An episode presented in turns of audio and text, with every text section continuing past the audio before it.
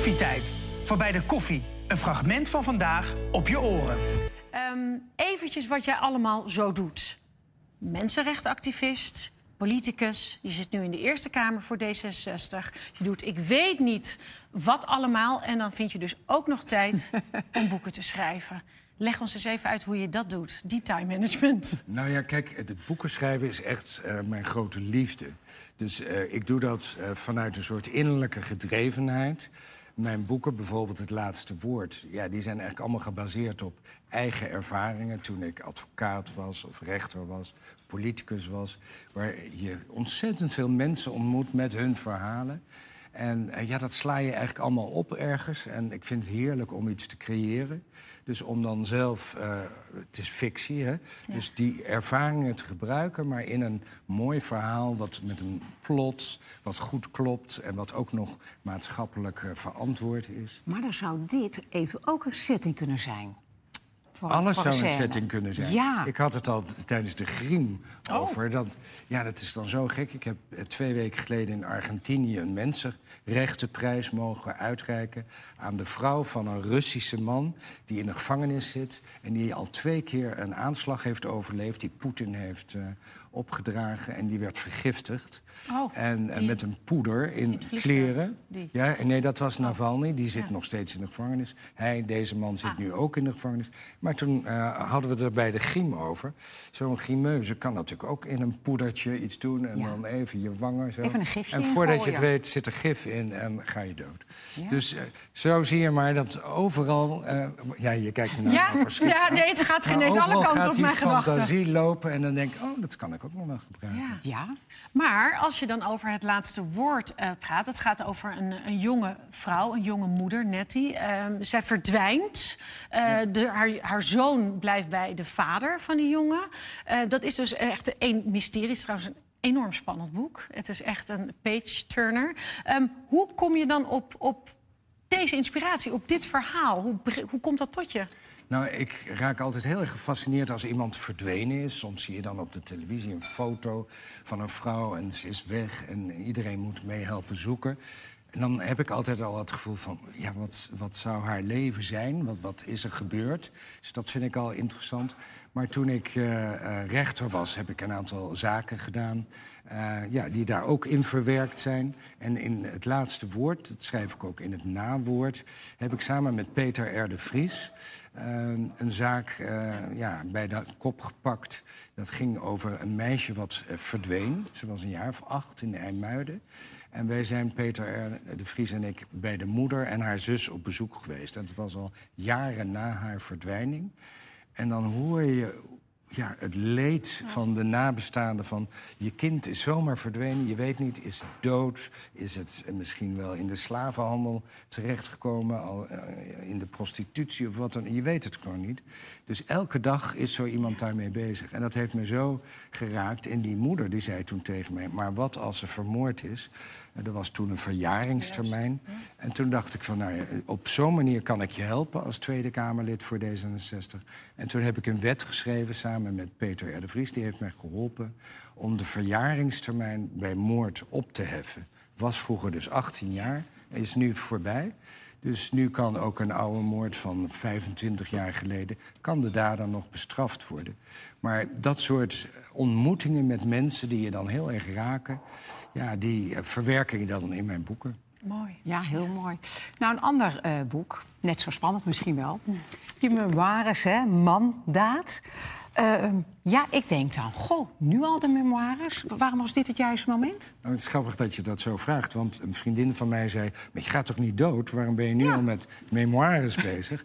Dat heeft ermee te maken dat toen ik in Amerika woonde... en voor Human Rights Watch werkte... Toen woonde ik in New York en toen uh, waren er heel veel verhalen van jonge LHBTI'ers... die zelfmoord pleegden of zichzelf verwonden... of heel erg depressief waren vanwege de discriminatie. En toen zijn we een campagne gestart en die heette It Gets Better om bekende Amerikanen toen in Amerika te laten vertellen... in één minuut, in een videootje, van... weet je, al maak je hele erge dingen mee, later in het leven kan het beter gaan. En uh, Barack Obama heeft eraan meegedaan, Hillary Clinton hadden we gevraagd. Nou ja, ik heb zelf ook aan die campagne meegedaan. En toen zeiden ze, god, maar jouw verhaal, waarom schrijf je dat niet op? Dus dat heeft altijd in mijn achterhoofd gespeeld. En mijn uitgever, die dat hoorde, die zei, weet je wat, we gaan, uh, we gaan dat doen. Dus zo is mandaat eigenlijk tot stand gekomen. Ja, en Kooswaarter die heeft het gemaakt. Ja. Maar die heeft jouw strijdkreet wel voorop gezet. Mijn strijd voor gelijke rechten. Nou, je hebt je natuurlijk voor zoveel dingen ingezet. Inderdaad, de wet inderdaad voor als je een moord hebt gepleegd... dat, dat, gewoon, uh, nou, dat je altijd gestraft kan worden. Ja. Maar ook het homohuwelijk bijvoorbeeld. Ja. Maar het is een strijd staat hier. In hoeverre was dat een strijd voor jou om dat soort wetten aan te passen? Nou ja, het voert allemaal terug op je eigen ervaringen. Dus toen ik ontdekte dat mijn seksualiteit niet heteroseksueel was. En ik kende helemaal niemand die homo of bi was. Dus dat moet je zelf allemaal uitvinden. Nou ja, ik werd uh, opgevoed en hele lieve ouders, maar die hadden daar ook totaal geen kaas van gegeten. En uh, dus dat was echt wel lastig. En toen ik 18 was, ging ik in Amerika een jaar studeren. En toen dacht ik, nou, daar heb ik een jaar... en dan kan ik eens goed nadenken over wie ik ben en wat ik wil. En toen kreeg ik een brief van mijn ouders. En die zeiden, er is ons iets vreselijks overkomen. Jouw zus heeft ons verteld dat ze lesbisch is. Maar gelukkig hebben we jou nog en van jou zullen onze kleinkinderen krijgen. Oh. Dat heeft mij heel erg teruggeworpen. Toen dacht ik, ik wil mijn ouders niet teleurstellen. Twee kinderen en als de een lesbisch is en de ander homo... is toch wel erg triest voor ze. Dus ik heb heel erg geprobeerd uh, anders te zijn. Maar ja, je komt in het leven erachter dat je bent wie je bent. En dat je ook recht hebt om te zijn wie je bent. Ja. Nou ja, en dat heb ik dus eerst zelf meegemaakt... En vervolgens, toen ik in de politiek kwam voor D66, dacht ik... dat wil ik ook voor andere mensen doen. Dus zo ben ik met uh, dat openstellen van het huwelijk bezig gegaan... of adoptie voor andere mensen. En uh, ja, zo help je de wereld, maar ook een beetje jezelf ja, natuurlijk. Mooi. Ja, zeker. Nee, dat is hartstikke goed gelukt. Want laten we eerlijk zijn, ik bedoel... Jij bent al 41 jaar samen met je je Joshua? Jehoshua. Jehoshua. Dat is ook een bijzondere naam. Ja, hij komt oorspronkelijk uit Israël, woont dus al iets van 45 jaar in Nederland. Ja. En we hebben elkaar iets van 41 jaar geleden leren kennen. En wanneer ben je getrouwd? Samen. Wat zeg je? En wanneer was je getrouwd? Uh, het huwelijk is opengesteld in 2001. We zijn in 2006 getrouwd, dus ja. vijf jaar daarna. Mooi. Al heel lang samen, hè? Wat is zeg maar jullie kracht? Ik denk dat onze kracht is, daar hebben we het natuurlijk ook wel eens over gehad... Uh, dat wij elkaar uh, ja, uh, laten zijn wie we zijn. Dus ik probeer hem niet te veranderen tot een soort kloon van mezelf of andersom. Mm -hmm. Maar dat je ook accepteert dat iemand heel anders kan zijn. En dat is ook heel mooi en dat is ook heel spannend. Uh, hij is kunstenaar, hij is beeldhouwer, heeft heel veel succes, nu ook in Duitsland. Dus hij is heel erg met zijn werk bezig. Nou, dat vind ik heerlijk ja. om over te horen. En ik vertel natuurlijk, nou ja, ik zit nu in de Eerste Kamer en ik schrijf boeken... en ik zit in allerlei besturen en zo. Dus wij vullen elkaar heel erg mooi aan, eigenlijk. Wat fijn, ik denk dat dat mooi. ons geheim ja. is. Nu zei je net al even een heel lief gezin waarin je in opgegroeid bent, maar wel een gezin die het moeilijk vond, de geaardheid van jouw zus, maar ook van jou. Uh, wanneer kwam dat moment, want ik bedoel, je bent al 41 jaar samen. Uh, wanneer kwam dat moment uh, dat dat kantelpunt er kwam? Want die was er wel bij jouw moeder ook. Ja, dus met name bij mijn moeder. Ja. Want mijn moeder was toch wel een beetje de drijvende kracht in het gezinsleven. Mijn vader was echt een studeerkamergeleerde, was professor op de universiteit, maar die praatte nooit zo over gevoelens.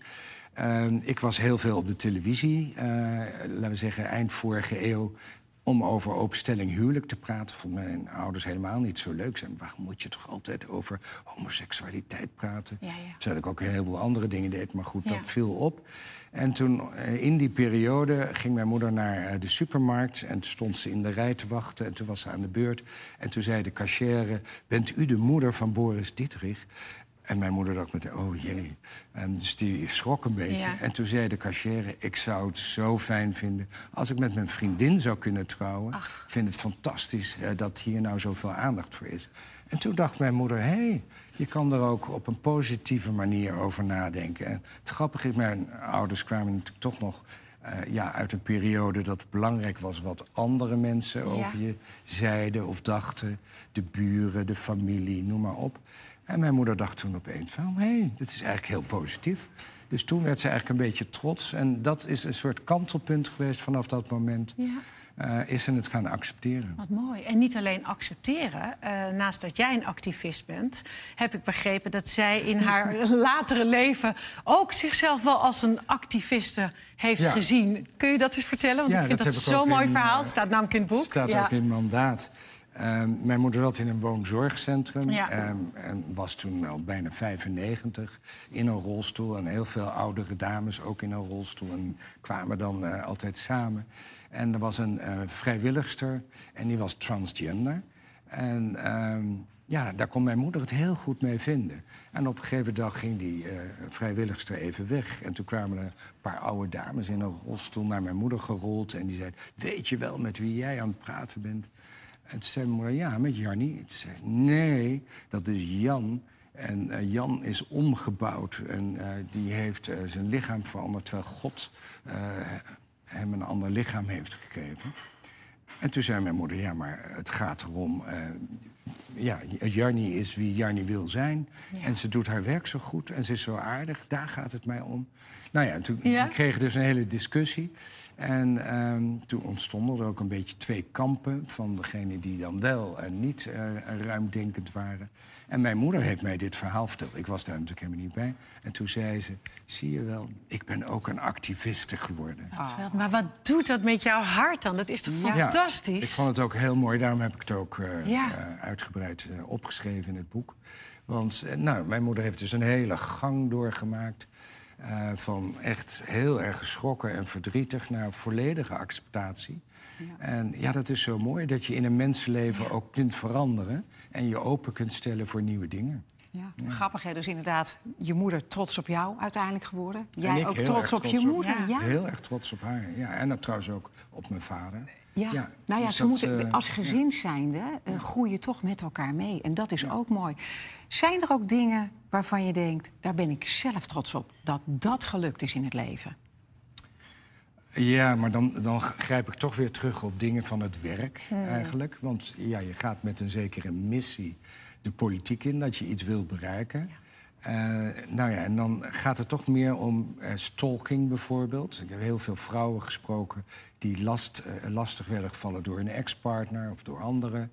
En die soms vermoord werden. Nou ja, ik had dat meegemaakt toen ik advocaat was, toen ik rechter was. Dus toen ik de politiek inkwam, dacht ik, hier ga ik iets aan doen.